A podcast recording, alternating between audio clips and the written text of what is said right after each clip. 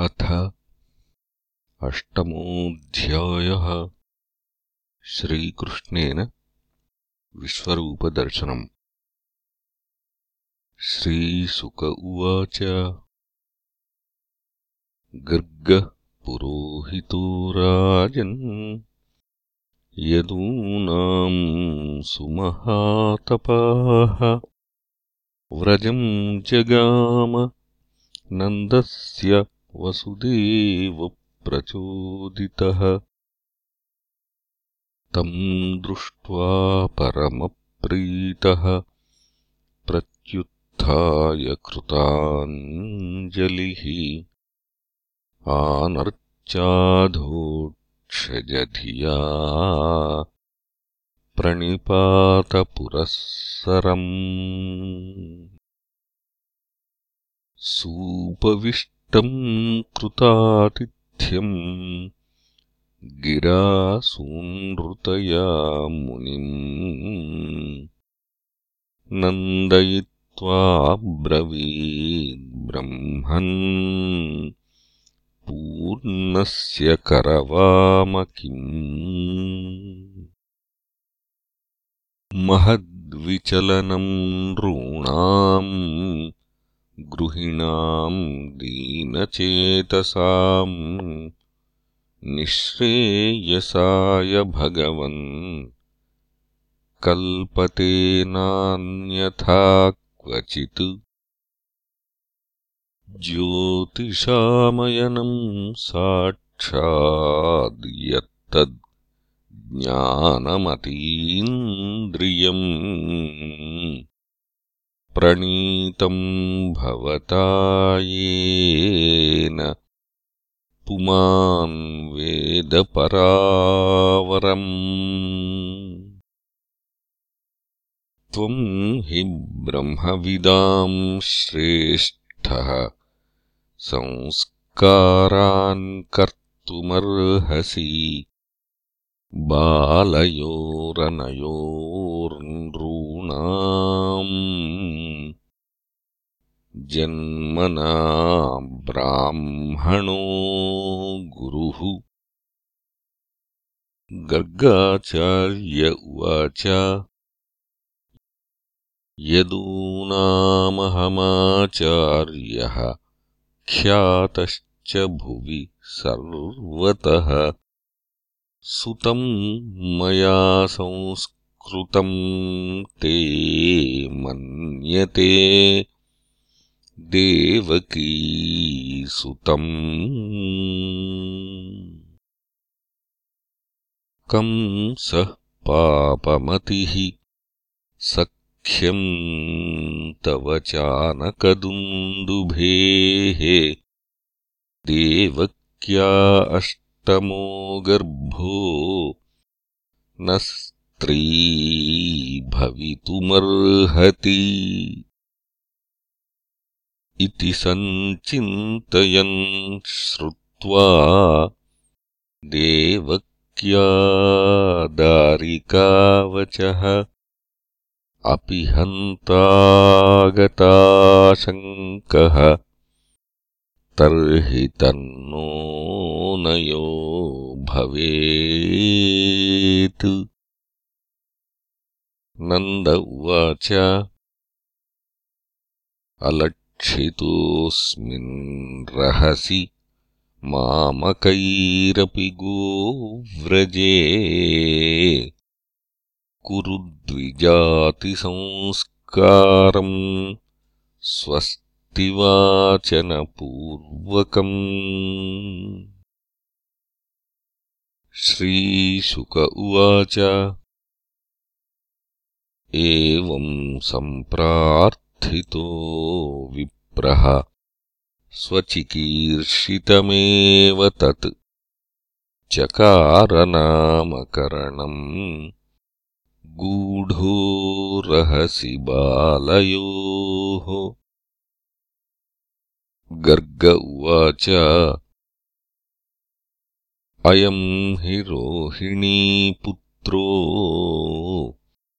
रमयन् सुहृदो गुणैः।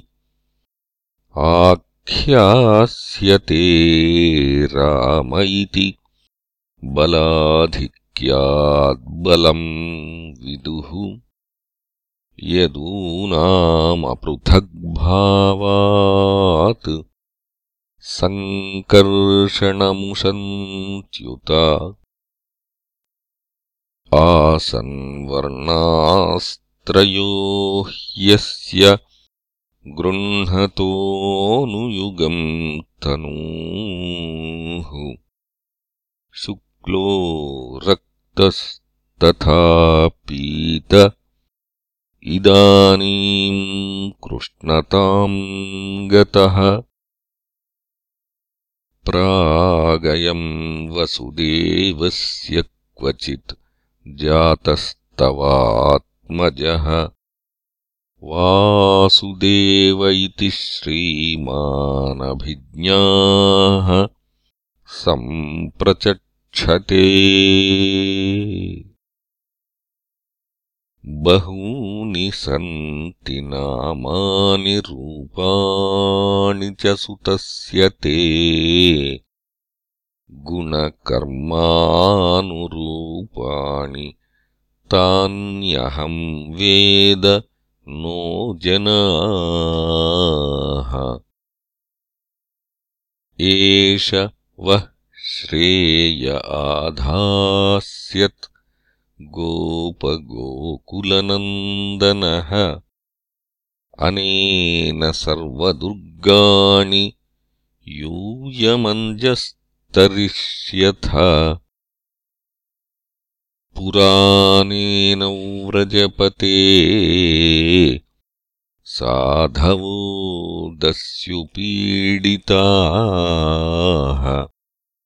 अराजके क्ष्यमाणा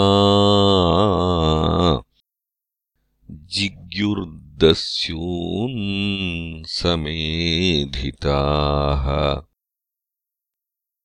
य एतस्मिन्महाभागाः प्रीतिम् कुर्वन्ति मानवाः। नारयोऽभिभवन्त्येतान् विष्णुपक्षानिवासुराः तस्मान्नन्दात्मजोऽयम् ते। नारायणसमो गुणैः श्रिया नुभावेन गोपायस्वसमाहितः। श्रीशुक उवाच इत्यात्मानम् समादिश्य गर्गे च स्वगृहम् गते नन्दः प्रमुदितो मेने ह्यात्मानम् पूर्णमाशिषाम्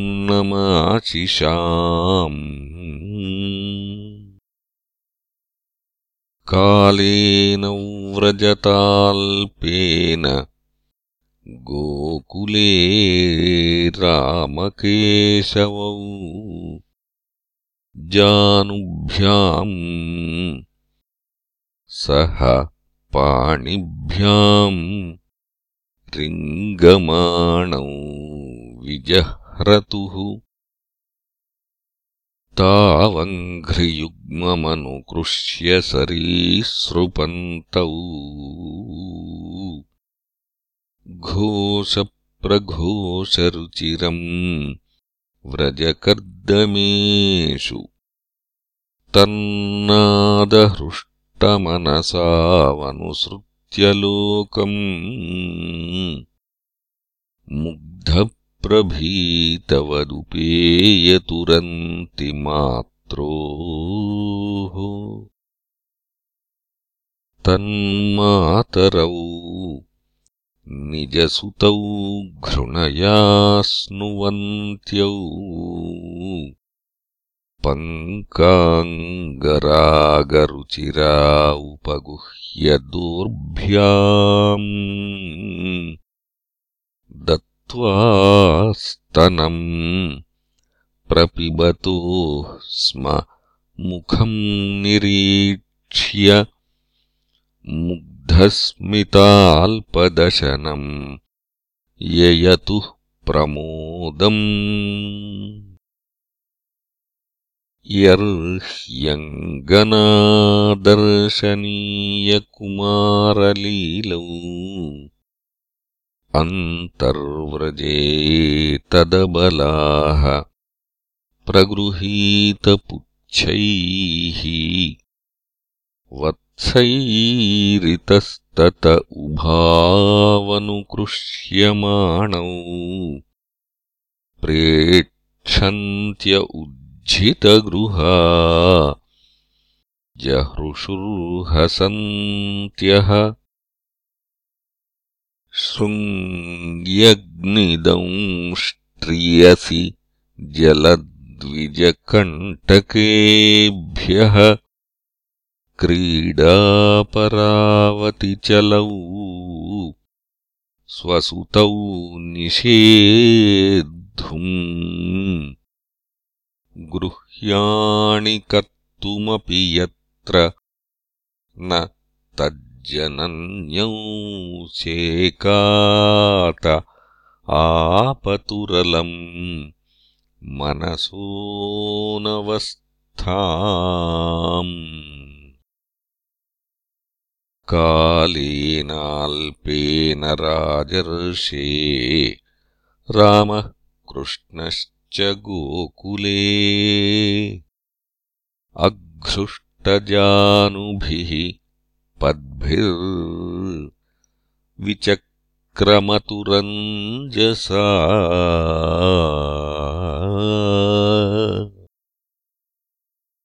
ततस्तु भगवान् कृष्णो वयस्यैर्व्रजबालकैः।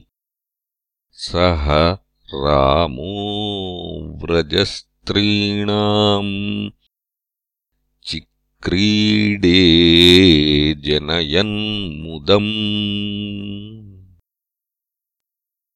कृष्णस्य गोप्यो रुचिरम् वीक्ष्य कौमारचापलम्। शृण्वत्याः किल तन्मातुरिति होचुः समागताः वत्सान्मुञ्चन् क्वचिदसमये क्रोशसञ्जातः सः स्तेयम् स्वाद्वत्यथ दधिपयः कल्पितैः स्तेययोगैः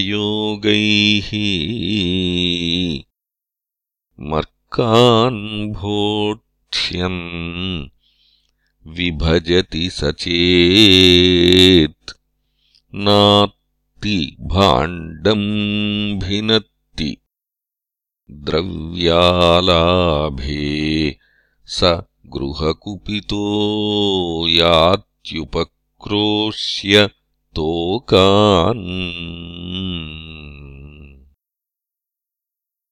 हस्ताग्राह्ये रचयति विधिम् पीठकोलूखलाद्यैः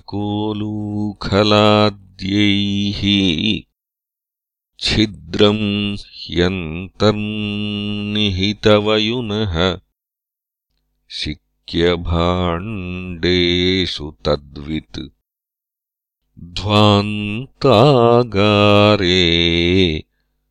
धृतमणिगणम् स्वाङ्गमर्थप्रदीपम्।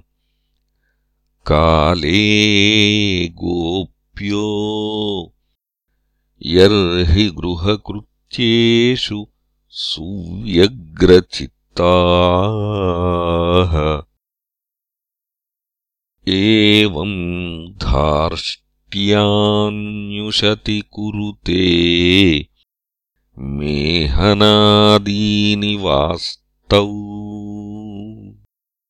स्तेयोपायैर्विरचितकृतिः। सुप्रतीको यथास्ते इत्थम् स्त्रीभिः सभयनयनश्रीमुखालोकिनीभिः व्याख्यातार्था प्रहसितमुखी न ह्युपालब्धुमैच्छतु एकदा क्रीडमानास्ते रामाद्या गोपदारकाः कृष्णो मृदम् भक्षितवानिति मात्रे न्यवेदयन्। सा गृहीत्वा करे कृष्णमुपालभ्यहितैषिणी यशोदा भयसम्भ्रान्तप्रेक्षणाक्षमभाषत। यशोदोवाच कस्मान्मृदमदान्तात्मन् भवान् भक्षितवान् रहः। वदन्ति तावकाह्येते कुमारास्तेऽग्रजोऽप्ययम् श्रीकृष्ण उवाच। नाहम् भक्षितवानम्ब सर्वे मिथ्याभिशंसिनः। यदि सत्यगिरस्तर्हि समक्षम् पश्य मे मुखम्। यद्येवम् तर्हि व्यादेहीत्युक्तः स भगवान् हरिः। व्यादत्ताव्याहतैश्वर्यः। क्रीडामनुजबालकः सा तत्र ददृशे विश्वम् जगत्स्थास्नुचखम् दिशः।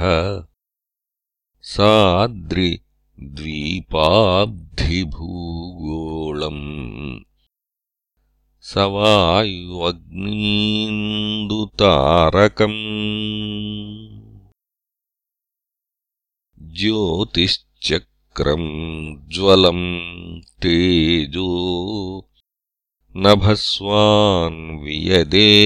च वैकारिकाणीन्द्रियाणि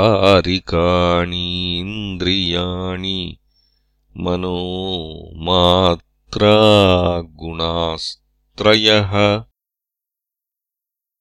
एतद्विचित्रम् सहजीवकाल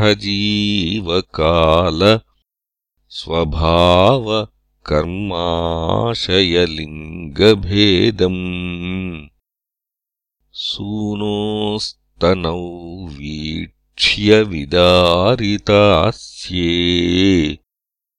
व्रजम् सहात्मानमवापशङ्काम्। किम् स्वप्न एतदुत देवमाया किम् वा मदीयो बत बुद्धिमोहः? अथो अमुष्यैव ममार्भकस्य। यः कश्चनोत्पत्तिक आत्मयोगः अथो यथावन्नवितर्कगोचरम्। चेतो मनः कर्म वचोभिरञ्जसा। यदाश्रयम् येन यतः प्रतीयते। सुदुर्विभाव्यम् प्रणतास्मि तत्पदम् अहम् ममासौ पतिरेष मे सुतो। व्रजेश्वरस्याखिलवित्तपा सती। गोप्यश्च गोपाः। सह गोधनाश्च मे। यन्माययेत्थम् कुमतिः स मे गतिः। इत्थम् विदिततत्त्वायाम् गोपिकायाम् स ईश्वरः वैष्णवीम् व्यतनोन्मायाम् पुत्रस्नेहमयीम् विभुः। सद्यो नष्टमतिर्गोपी। सारोप्यारोहमात्मजम् प्रवृद्धस्नेहकलिलः हृदयासीत् यथा पुरा त्रय्याचोपनिषद्भिश्च साङ्ख्ययोगैश्च सात्वतैः उपगीयमानमाहात्म्यम्। हरिम् सामन्यतात्मजम्। राजोवाच नन्दः किमकरोद्ब्रह्मन्? श्रेय एवम् महोदयम्। यशोदा च महाभागा। पपौ यस्याहस्तनम् हरिः। पितरौ नान्वविन्देताम् कृष्णोदारार्भके हितम् गायन्त्यद्यापि कवयो यल्लोकशमलापहम्। श्रीशुक उवाच। द्रोणो वसूनाम् प्रवरो धरया सह भार्यया।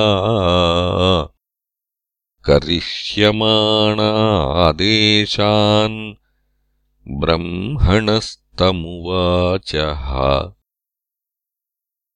जातयोर्नौ महादेवे भुवि विश्वेश्वरे हरौ।